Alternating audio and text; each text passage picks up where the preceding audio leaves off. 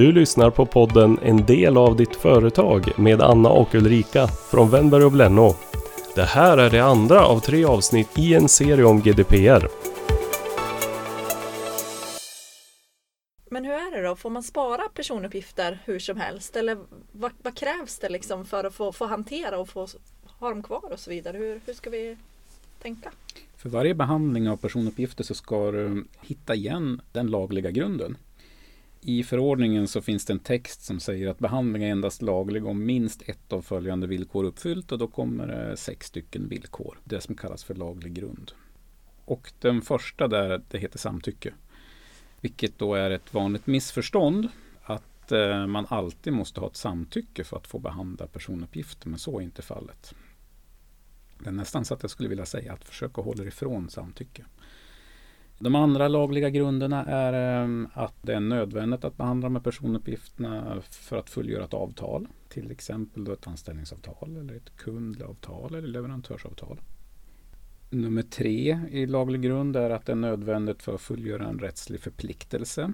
Där kan exempel vara bokföringslagen eller lagen om penningtvätt eller andra rättsliga förpliktelser.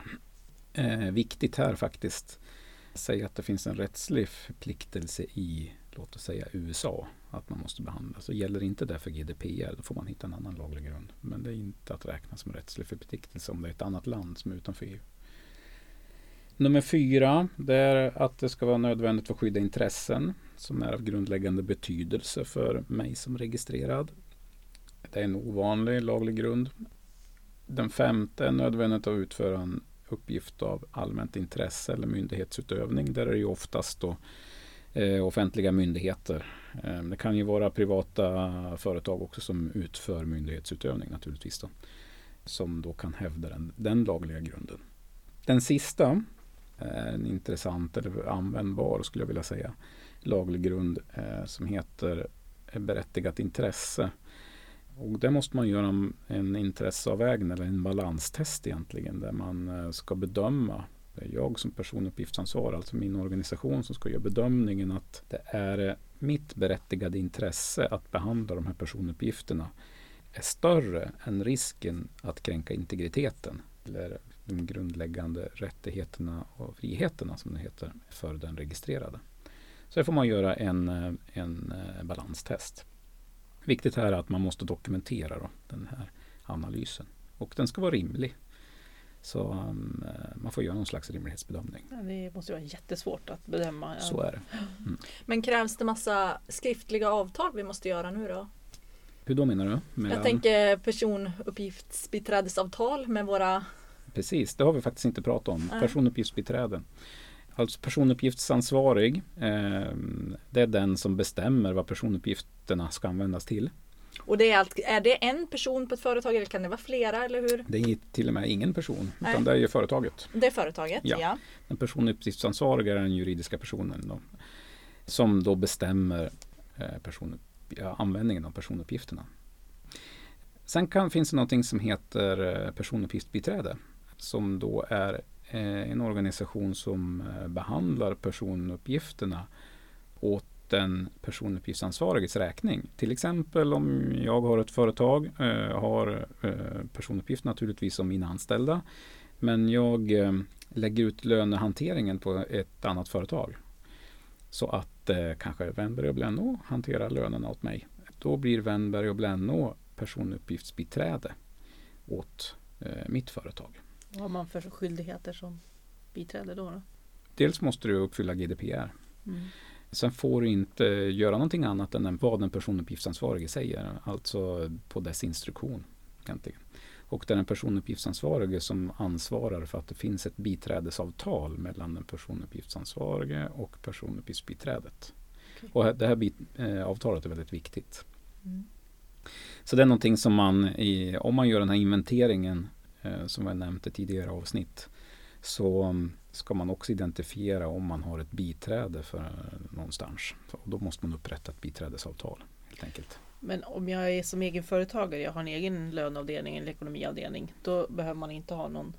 Nej. Nej, utan då är det företaget som är Ja, precis. Om jag lejer någon att använda personuppgifterna i min räkning. Men till exempel om ni kör E-posten hos Microsoft eller Google, eh, då hanterar de personuppgifter åt er i molntjänsten alltså. Mm. Eh, då är det ett personuppgiftsbiträdesavtal och det har de standardavtal för. Okej. Mm. Vad har du för, som företagare för skyldighet att informera om att du samlar in data? Det, det, är ofta, det är ett stort gap som många inte eh, har idag. När jag samlar in personuppgifter från någon registrerad, då måste jag informera den registrerade om eh, för det första vem jag är som personuppgiftsansvarig, eh, mina kontaktuppgifter, vilka personuppgifter som jag samlar in, varför jag samlar in dem, vilken laglig grund som jag baserar det här på och hur länge som jag kommer att spara de här personuppgifterna och sen ska jag också informera om rättigheter och eh, sådana saker till den registrerade. Och det ska jag göra i samband med att jag hämtar in de här personuppgifterna. Tar jag in personuppgifterna från ett annat håll, till exempel om man köper ett kundregister eller ja, ett prospektregister, då ska det då informeras inom en månad från att jag fått eh, eh, personuppgifterna eller vid första kontakt och så vidare. Så står det i förordningen. Okej. Men som om man får en ny kund och tar dels uppgifter om företaget men även kontaktdata om den personen. Då ska jag även tala om då att räcker det muntligt att jag berättar att nu kommer jag lägga in det här i vårt kundregister och vi kommer ha den Ja, det räcker muntligt. Det gör det. Men du kanske också vill hänvisa till läs vår personuppgiftspolicy på webbsidan eller någonting sånt. Ja, just det. Mm. Ja, det är ju bra att lägga ut den på hemsidan. Ja. Mm. ja, kanske vi ska prata om några incidenter. Lite, alltså, någonting som händer. Tänk dig att jag tappar min mobiltelefon. Mm. Från den 25 maj då, då måste man det är någonting som ni som företag behöver eh, se till. Att, ni eh, har en process för att dels upptäcka personuppgiftsincidenter och även då hur man ska rapportera dem in till eh, Datainspektionen. För det ska man göra inom 72 timmar. Och vad är då en personuppgiftsincident? Och då sa du här om jag tappar min dator eller min telefon. Mm. Mm. Det är ju faktiskt en personuppgiftsincident. Så då ska man anmäla in det helt enkelt. Tappar ett USB-minne med Excel-filer med personuppgifter på, då är det en personuppgiftsincident. Och eh, Datainspektionen kommer att ha verktyg för det här. Så att eh, det här kommer man att helt enkelt anmäla. Ja, man anmäler in det via webbsidan antagligen. Eh, det, det, kommer att finnas från, jag tror det var från första maj, som eh, det kommer att finnas funktioner för det här. Kravet är att det ska anmäla in personuppgiftsincidenter till eh, till Datainspektionen. Men man måste också informera de registrerade om att det har skett en personuppgiftsincident om, om man ser att det finns risk för att de här personuppgifterna kommer på villovägar. Eller att man Så får integriteten kränkt. Det kan ju bli ett jätteproblem om du tappar en mobiltelefon. Det kan det bli. För hela kontaktregistret är ju, Precis. om det är en företagstelefon. Då. Ja. Mm. Så då ska vi inte ha några uppgifter där heller. jo, men du kanske kan ha en möjlighet att eh, radera den här. Om, om, min mobiltelefon blir stulen så kan ja, ju i mitt fall då Excellent radera eh, mobiltelefonen från kontaktuppgifter och e-post och sådana saker som har med företaget att göra. Mm. Och då har du tagit bort risken att de här personuppgifterna kommer på villovägar. Så då behöver man inte informera den registrerade. Men du måste fortfarande rapportera in personuppgiftsincidenten till ja, Datainspektionen. och ju... eh, dessutom ska du ha ett register över de personuppgiftsincidenter som har skett hos dig så att vi kan följa dem här sen. Ja, just det. Så man bör tänka då när man ska ut med sin dator och USB och så vidare att man krypterar informationen eller hur? Ja, alltså det är ju bärbara datorer. Det har ju funnits länge kryptering på mm. hårddisken men långt ifrån alla använder ju det naturligtvis. Mm. Och eh, det har ju inte med GDPR att göra att man kanske behöver den här krypteringen, bara GDPR ska vi säga. Eh, jag kanske har en lista över kunder och prislistor och allt möjligt på min bärbara dator som gör att eh, det finns många vinster med att kryptera hårddisken på min bärbara dator. Även kryptera USB-minnen då till exempel. Men vad händer om det sker en incident då om man inte anmäler den?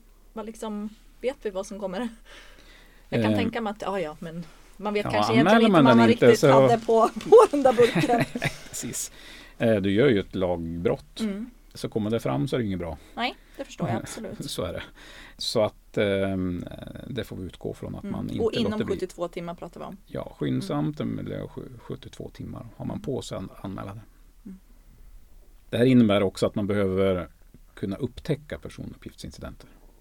Eh, om en dator blir stulen så upptäcker man ju det ganska snabbt. Mm. Eh, I alla fall jag upptäcker om min dator blir stulen snabbt kan jag säga.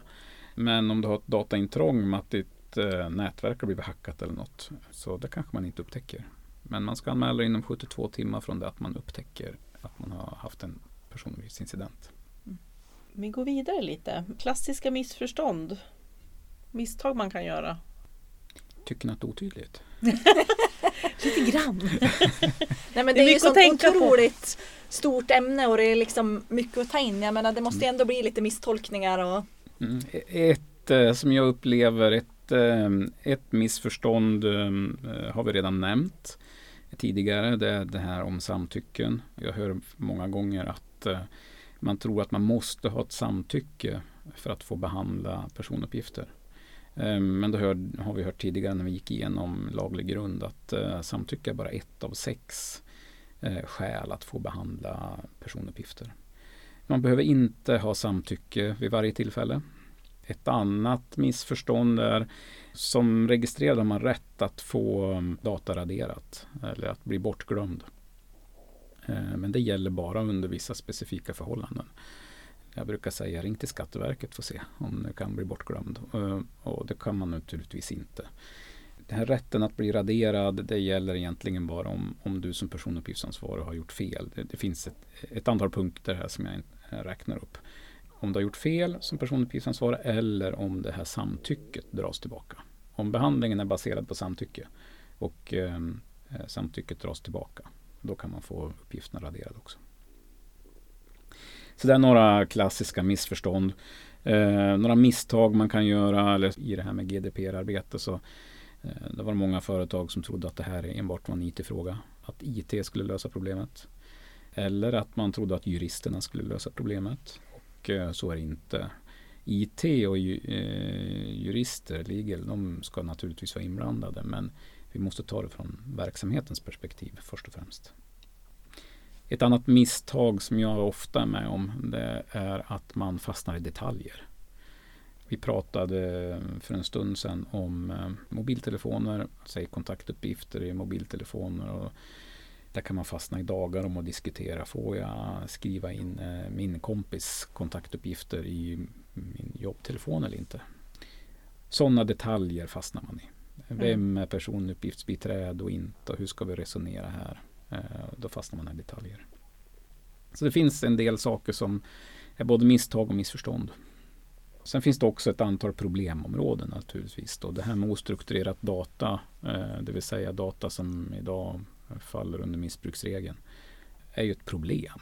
Många företag som vi kan säga inte har kontroll på personuppgifter i alla Excel-filer och sånt naturligtvis. Mm. Det finns personuppgifter ute på hårddiskar och alla möjliga ställen.